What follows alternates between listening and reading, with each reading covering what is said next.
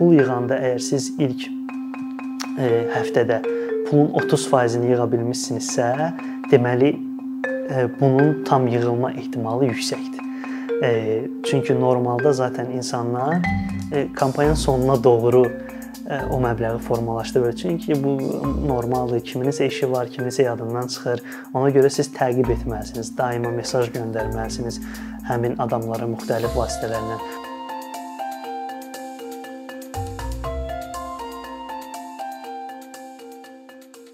Toxum crowdfunding platformasıdır. 2017-ci ildə yaradılıb mən və Toğrul Vəliyev tərəfindən.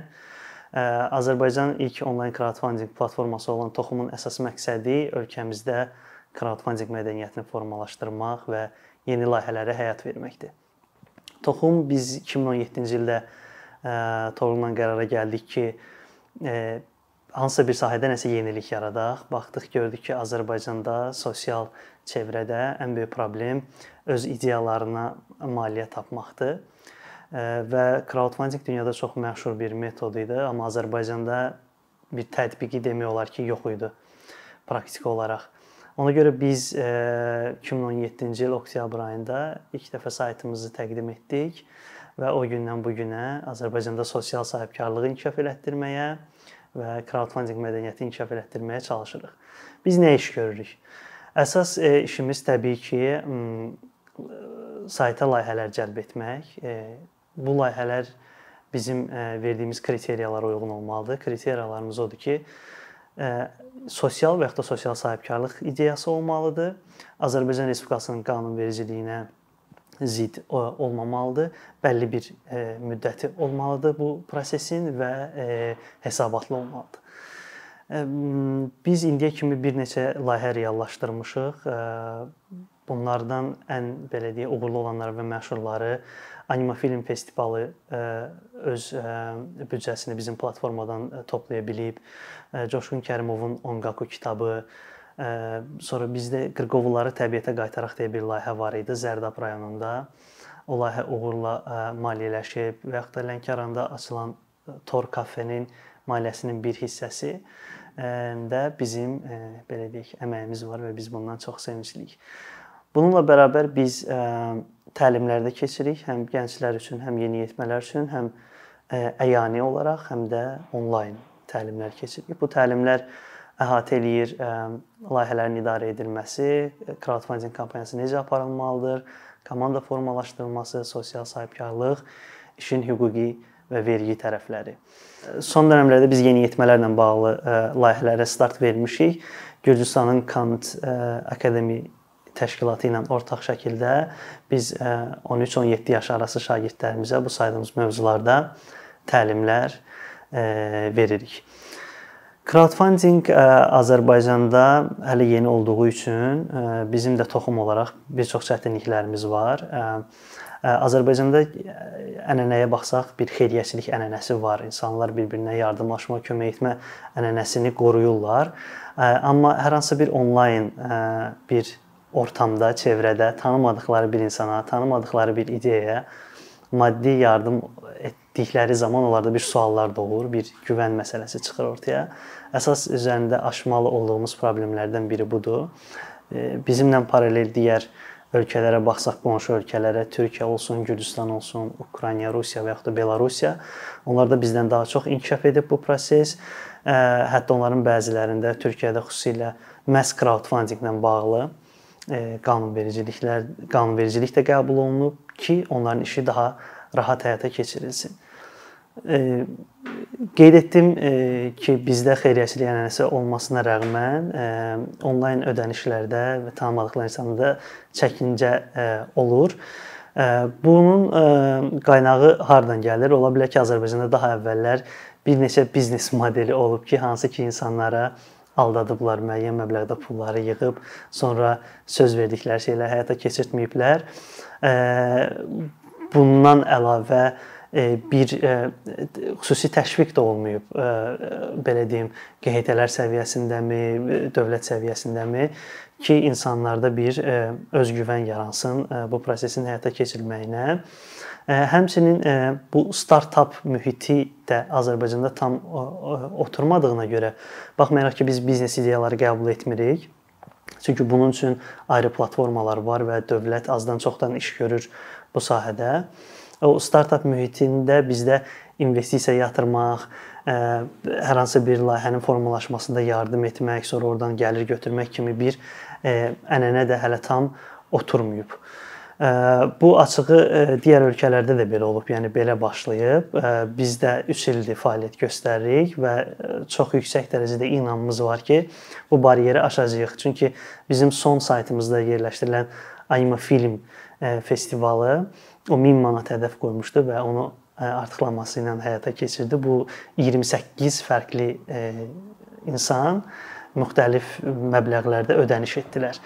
Bu artıq bir onun göstəricisidir ki, insanlarda artıq hər hansı bir ümid yaranıb və biz də platform olaraq ona çalışırıq ki, o layihələr uğurlu olsun və bu anima film çox uğurlu oldu, qırğovulları təbiətə qaytaraq uğurlu oldu və biz bu uğur hekayələrimizi paylaşdıqca insanlarda da düşünürəm ki, bir qarşılıqlı güvən bizim platformaya qarşı formalaşacaq. Bir qədər də mən bizi izləyənlərə kimi ki ideyası var, reallaşdırmaq istəyir. Bununla bağlı öz e, bu günə kimi qazanılmış təcrübələrimizi bölüşmək istəyirəm. E, normalda insanlar crowdfundingi belə fikirləşirlər ki, bax mənim bir ideyam var. Mən bunu A və yaxud da B saytında yerləşdirəcəm və insanlar mənə pul verəcəklər, bu reallaşacaq. Əgər bu fikirdəsinizsə, bu heç də doğru fikir deyil. Siz bir ideyanı formalaşdırmamışdan əvvəl onun ətrafında bir çevrə qurmalısınız. Yəni sizin ən yaxın çevrəniz bilməlidir ki, artıq sizdə bir ideya var və siz hazırlaşırsınız bunu həyata keçirməyə, bunun üçün pul yığacaqsınız.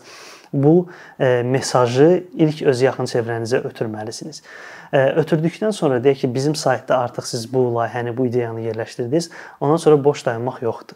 Siz hər gün öz sosial media hesablarınızdan, əlinizdə olan mail vasitəsilə və digər kommunikasiya vasitələrindən istifadə edib öz mesajınızı dəqiqliklə auditoriyaya çatdırmalısınız ki, onlar başa düşsünlər ki, hansı ideyaya nə üçün pul verirlər və bunun sonunda onlar nə əldə eləyəcəklər. Yəni bunlarda çox ə, aydın olmalısınız. Bax məsəl üçün Anima Film Festivalı ə, bizdə layihə yerləşdirmişdi.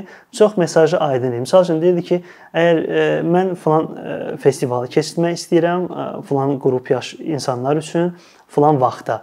Əgər siz mənə 5 manat versəz, mən deyək ki, sizin adınızı öz jurnalımda çap edəcəm. Siz mənə 50 manat versəniz, mən sizə öz loqolu fincanımı təqdim edəcəm. Siz mənə 1000 manat versəniz, siz artıq bu festivalın rəsmi tərəfdaşı, sponsoru olacaqsınız. Verdiyi mesajlar, verdiyi öhdəliklər çox aydın idi və bunların hamısını yerinə yetirirdi. Crowdfunding ideyalarında daha bir önəmli məqam bunu bəlli bir dar çərçivədə saxlamaq lazımdır. Yəni siz illərlə davamlı olaraq pul yığa bilməzsiniz. Normalda dünya təcrübəsi də göstərir ki, 30-45 gün arasında yaxşı olar ki, siz bu kampaniyanı yekunlaşdırasınız. Hə, belə crowdfunding növləri də var ki, bunlar aylıq abunəliklərləndir. Məsəl üçün bunu biz digər ölkələrdə görürük, bizdə hələ yoxdur. Hər hansı bir təşkilatdır daimi olaraq onun müəyyən işlərə pul ehtiyacı olur və saytda daimi saxlayırlar ki, bu ay üçün bizim deyək ki, 1000 manata, gəlin ay üçün 1500 manata və hər ay və ay onu toplayırlar. Amma normalda dünya praktikası mənim daha əvvəl dediyim kimi olur. E, və e, ideyaları formalaşdırarkən e, çalışın yenilikçi şeylər tapın. Yəni ə, mövcud olanı ə, yenidən təkrarlamaq o qədər də uğurlu olmayacaq. Xüsusilə də sosial sahibkarlıq sahəsində. Yəni sizin cəmiyyətin həll etmək istədiyiniz problemi həqiqətən var olduğuna əmin olun və ona necə bir həll təklif edirsinizsə, bunu daha detallı şəkildə, daha oturuşmuş şəkildə təqdim etməlisiniz auditoriyanıza. Bu olmayan olmayan təqdirdə sizin ideyanız insanlarda maraq doğurmur və bu da təsadüfi deyil ki, verilən ideyaların dünyada hardasa 90%-i heç bir uğur qazanmadan, heç bir pul toplanmadan crowdfunding platformalarında öz belə deyək, yaşam sikllarını başa vururlar. Ümumiləşdirsək, siz hansı problemi həll etdiyini bilməlisiniz, hansı həll yolunu təklif etdiyini bilməlisiniz. Müəyyən bir müddət aralığı olmalıdır sizin crowdfunding kampanyanızda, mesajınız auditoriyanıza aydın olmalıdır və hər zaman əldə etdiyiniz nəticələri, uğurlar barədə öz auditoriyanızı məlumatlandırmalısınız ki, siz işin hansı mərhələsindəsiz, necə yekunlaşıb, nəticələr nədir və ən son mərhələdə onları nə gözləyir. Biz ə, toxum olaraq dediyim kimi təlimlər veririk öz ə, hədəf qrupumuza. Onlayn videolarımız da var, bunu izləyə bilərsiniz. İndi biz yazılı çap kitabı da çıxardacağıq ə, yeni yetmələr üçün bir crowdfunding kampaniyası necə aparılmalıdır. Ə, bəzən suallar olur ki, ə, bir crowdfunding kampaniyasının uğurlu olduğunu öncədən təxmin etmək olurmu? Yəni bu uğurlu ola bilər yoxsa yox? Bir mənalı cavabı yoxdur, amma bayaq saydığım mərhələlərə diqqət olunsa, demək olar ki, siz bu işin 50%-ni etmiş olursunuz. Nəyə görə? Belə bir rəqəm var, mən sizinlə paylaşım. Əgər siz indi müasir dövrdə crowdfunding kampaniyasına başlayırsınızsa, belə bir deyim var ki, sizin Facebook dostluğunuzda ən azı 1000 nəfər olmalıdır. Yəni bu 1000 nəfəriniz varsa, deməli artıq sizin bir çevrəniz var və sizin informasiyanız bu 1000 nəfər vasitəsilə daha böyük qrupa çatacaq və sizin uğurlu olma ehtimalınız daha yüksəlir. Və yaxud da pul yığarkən insanlar deyirsə həvəsdən düşürlər. Belə bir şey də var ki, pul yığanda əgər siz ilk həftədə pulun 30%-ni yığa bilmisinizsə, deməli bunun tam yığılma ehtimalı yüksəkdir. Çünki normalda zaten insanlar kampanyanın sonuna doğru o məbləği formalaşdırır. Çünki bu normaldır. Kiminsə işi var, kiminsə yadından çıxır. Ona görə siz təqib etməlisiniz. Daima mesaj göndərməlisiniz həmin adamlara müxtəlif vasitələrlə. Bu Facebook postu da ola bilər, bayaq dediyim kimi bu mail də ola bilər, bu hər hansısa bir tədbir, event də ola bilər ki, siz orada bu informasiyanı çatdıra bilərsiniz.